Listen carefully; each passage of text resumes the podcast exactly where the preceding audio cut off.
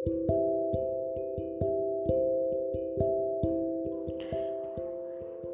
teman-teman, apa kabar? Semoga baik-baik ya. Kali ini aku mau review sebuah buku yang judulnya How to Fight. Buku ini ditulis oleh Thich Nhat Hanh. Beliau adalah seorang Buddhis yang telah menulis banyak karya mengenai mindfulness hingga akhirnya beliau mendapatkan sebutan sebagai the father of mindfulness dari Irish Times. Keren ya. Uh, aku sendiri sangat tertarik saat melihat uh, buku ini dari covernya How to Fight. Bukunya mini, ukuran A6. Diisi bukunya pun kita bakal melihat banyak ilustrasi berdampingan dengan um, isi tulisannya. Yang mana itu sangat menarik buat aku karena aku kadang butuh buku-buku yang cukup ringan walaupun bahasannya sebenarnya gak ringan-ringan banget juga buku ini ya. Ketika aku melihat judulnya How to Fight, langsung banyak pertanyaan di dalam kepala aku. How to fight hit uh, with who or jadi bentuknya apa sih yang kita sedang lawan gitu? Kenapa sampai ada buku ini? Dan aku uh, cukup lumayan tertarik untuk membaca lebih lanjut dan ketika uh, melihat halaman awal di sana dijelaskan where the fight begins. Jadi katanya Hanh, ketika ada seseorang yang berkata tidak mengenakan kepada kamu, kemudian kamu ingin melawannya, ya kadang kalau misalnya ada orang ngomong gak enak pasti pengen balas kan, naluriah gitu. This is where the fight begins gitu. Jadi di situlah fight dimulai. Nah, sebenarnya hal-hal yang sudah kita anggap biasa itu melawan dengan dengan cara yang sama secara tidak sadar sudah menjadi habit ya kebiasaan. Padahal eh, hal-hal seperti itu bisa membawa kita ke kemarahan, ke ketakutan, ke perasaan yang tidak enak seperti cemas dan lain-lain. Maka dari itu kita harus mulai nih belajar untuk bagaimana menghadapi orang-orang yang uh, bertindak yang kurang mengenakan kepada kita gitu. Kalau misalnya di mindfulness diajarin tentang pause moment.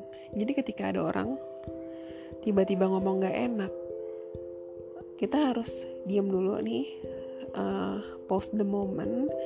Jangan langsung reaktif um, membalas atau mencoba untuk menanggapi dengan cara yang sama. No jadi kita diam dulu ambil nafas kemudian ya wajar.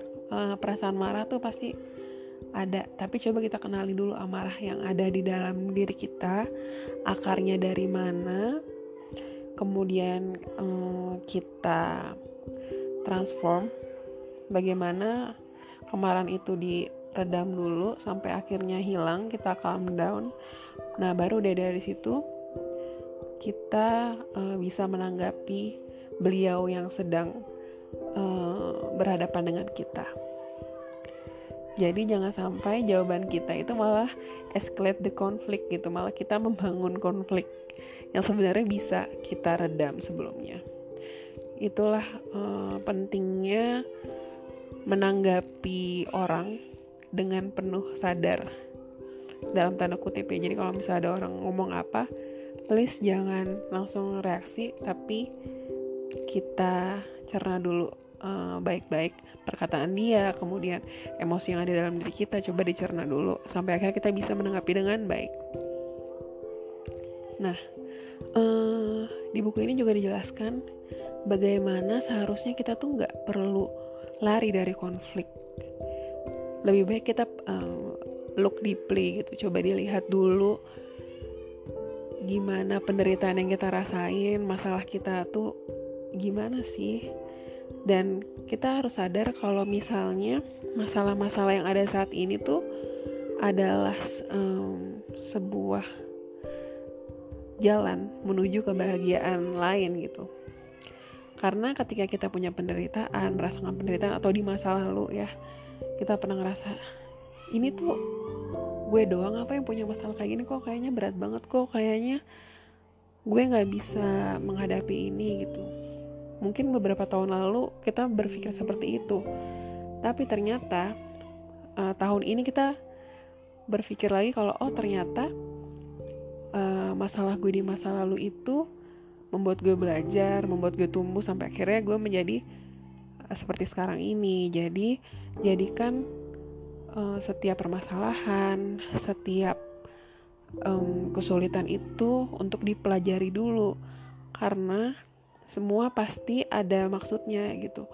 Semua pasti membuat kita untuk lebih kuat, lebih um, memahami diri kita sendiri dan bagaimana kita untuk tumbuh menjadi pribadi yang lebih baik gitu.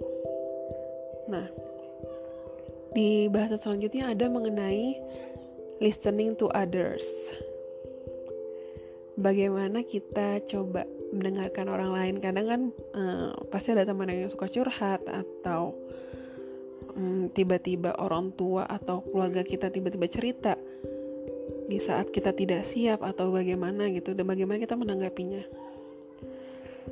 Jadi kalau misalnya ada yang bercerita kepada kita, tentunya mereka berharap kita dapat membantu meringankan beban mereka gitu. Makanya kita harus uh, memahami masalah mereka, kesulitan mereka, meskipun mungkin mereka nggak minta dikasih solusi gitu. Mereka cuma minta didengarkan dan bagaimana menjadi pendengar yang baik. Di situlah kita harus belajar deep, deep listening. Masalahnya adalah nggak um, semua orang itu dapat mendengarkan dengan baik karena mereka masih uh, belum selesai dengan dirinya sendiri. Maksudnya um, mereka masih gak stabil emosinya. Mereka masih marah. Jadi kalau misalnya kita mendengarkan dalam kondisi yang tidak enak kita masih dalam kondisi marah gitu tapi orang cerita ke kita. Yang ada kita nggak bisa dengerin apa yang mereka ceritakan gitu. Kita nggak bisa dengerin penderitaan mereka dan bagaimana kita bisa membantu mereka memecahkan masalah mereka karena itu masih jauh banget. So kita harus belajar nih uh, bagaimana kita yang tadi ya di deep listening bagaimana kita membantu mereka untuk menghilangkan persepsi yang salah yang telah membuat mereka menderita kayak gitu. Nah, jadi kalau misalnya kita mau ke arah sana, pertama kita harus mendengarkan diri kita sendiri dulu gitu. Kita belajar mengenali diri kita, uh, memberi waktu kepada diri kita sendiri untuk mengeluarkan emosi-emosi yang ada di dalam diri terus tanpa judging dan um, apa sanggahan. Pokoknya biar semuanya keluar dulu dan kita bisa um, menerima apa pun yang ada di dalam diri kita sampai akhirnya ketika kita sudah selesai mendengarkan diri kita sendiri baru deh kita bisa mendengarkan orang lain cerita orang lain dengan compassion gitu dengan apa dengan penuh um, kepekaan dengan dengan uh, penuh keinginan untuk membantu mereka menghadapi masalahnya gitu. Dan ketika kita sudah um, sampai di tahap bisa melakukan deep listening, harusnya kita nggak terganggu apabila um, si orang yang curhat itu mengeluarkan kata kasar, kemudian emosinya gak stabil maksudnya dia lagi marah-marah saat curhat segala macam. Tapi kita harus tetap mendengarkan dengan baik. Jangan sampai emosi yang keluar dari mereka itu menyentuh uh, energi kita energi buruk kita. Maksudnya jangan sampai ikutan marah jangan sampai kita malah jadi balik lagi. Gak mendengarkan dengan baik kita malah jadi ikut-ikutan mm, menceritakan hal-hal yang tidak mengenakan. Itu dia sih um, tantangan banget buat kita ya. Kalau misalnya ada orang curhat ya udah dengerin dulu aja sampai akhir. Jangan malah kita cerita balik. Gue dulu juga pernah kok lebih parah dari itu kan gitu ya. Kadang kita suka suka kayak gitu. Atau orang lain ada yang seperti itu. Jadi sebaiknya dengarkan dengan baik. Jangan biarkan hal-hal buruk yang keluar dari mereka itu menyentuh uh, kita menyentuh emosi kita untuk terpancing juga kalau misalnya kita udah sampai di tahap ini itu udah keren banget sih sebenarnya. Karena kita udah bisa recognize the humanity gitu. Kita sudah bisa melihat mereka sebagai manusia bukan lagi sebagai orang yang dalam kondisi marah orang yang dalam kondisi kecewa gitu. Kita bisa lebih wise ya. Emang agak agak berat ya perjuangannya tapi pasti bisa sih. Nah kalau misalnya kita udah bisa uh, recognize the humanity. Kemudian kita bisa melihat um, orang itu sebagai human being gitu. Human uh, manusia gitu. Seba seharusnya sih um, kita sudah selevel lebih baik dari yang sebelumnya. Nah jadi kalau misalnya kita udah bisa mendengarkan dengan baik berarti kita juga harus bisa menanggapi dengan baik. Kalau di buku ini dibilangnya loving speech berkata dengan mm, baik yang menimbulkan kenyamanan, kesenangan gitu, ketenangan. Jadi orang yang mendengarkan pun terasa happy gitu saat kita saat mendengar kita berbicara. Di sini diibaratkan kalau misalnya kita punya living room gitu, jangan membiarkan mm, anger kemarahan itu masuk ke dalam basement kita karena kalau misalnya dia udah masuk ke basement kita dan kita perbolehkan gitu dia akan menguasai living room kita dan akan terus menguat, membesar dan setiap hari akan grow, tumbuh, tumbuh, tumbuh sampai akhirnya menjadikan diri kita gitu dan anger jadi apa ya? Jadi salah satu face kita gitu ketika orang uh, mengenali kita sebagai sosok yang pemarah kan gak enak juga ya sebenarnya gitu. Dan kalau misalnya kemarahan sudah menguasai diri kita itu jadi sulit banget sih rasanya untuk mengeluarkan loving speech gitu. Kata-kata yang menyejukkan tuh agak sulit karena diri kita pun sudah um, lebih dulu dikuasai oleh energi negatif tersebut dari situlah kita juga harus belajar tentang right thinking. Bagaimana kita dapat berpikir dengan baik. Sebenarnya dimulai dari mana sih? Sering gak sih uh, kita dengar soal we are what we think gitu. Jadi kalau misalnya kita selalu mikirin hal-hal yang bagus melihat mm, melihat segala sesuatunya dari sisi yang positif pasti yang um, kata-kata yang keluar dari mulut kita pun ketika kita sedang berbicara pun hal-hal yang positif. Lain lagi kalau misalnya kita selalu melihat segala hal dari sisi negatif nantinya yang keluar pun dari mulut kita akan negatif gitu. Jadi belajarlah untuk berpikir hal-hal yang baik dulu. Karena itu akan berpengaruh kepada semuanya gitu berpengaruh kepada apa yang kita keluarkan juga. Dan pastinya akan berdampak ke banyak orang juga yang berhubungan dengan kita.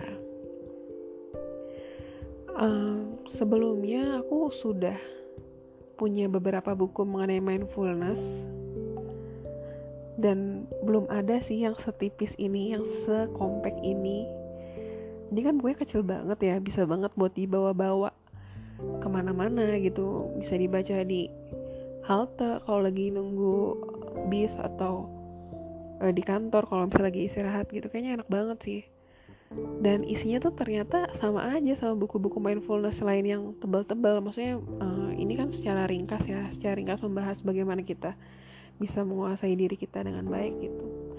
Jadi menurut aku worth banget sih buat orang-orang yang mau belajar bagaimana menghandle emosinya terus gimana cara ngenalin diri sendiri gimana cara masuk ke dalam lingkungan baru, how to adapt gitu. Karena di sini juga dibahas sampai akhir uh, aku nggak nggak ceritain semuanya ya nggak nggak ngulas seluruh isi bukunya tapi yang jelas di bukunya dibahas banget soal bagaimana kita uh, yang tadi ya adaptasi terus menghadapi pasangan kita segala macam cara healing dibahas uh, dan bisa sambil dipraktekin juga sih kayak misalnya yang tadi ya yang bagaimana cara mendengarkan orang lain kira-kira begitu dan aku masih dalam proses um, baca ulang karena setelah berapa minggu ya aku baca buku ini?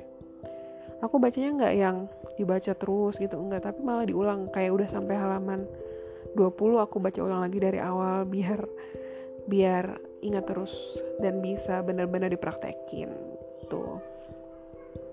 Kira-kira segitu aja review kali ini semoga minggu depan akan ada review baru lagi dari buku yang gak kalah menarik gitu aja sih. Ya udah sampai jumpa teman-teman. thank you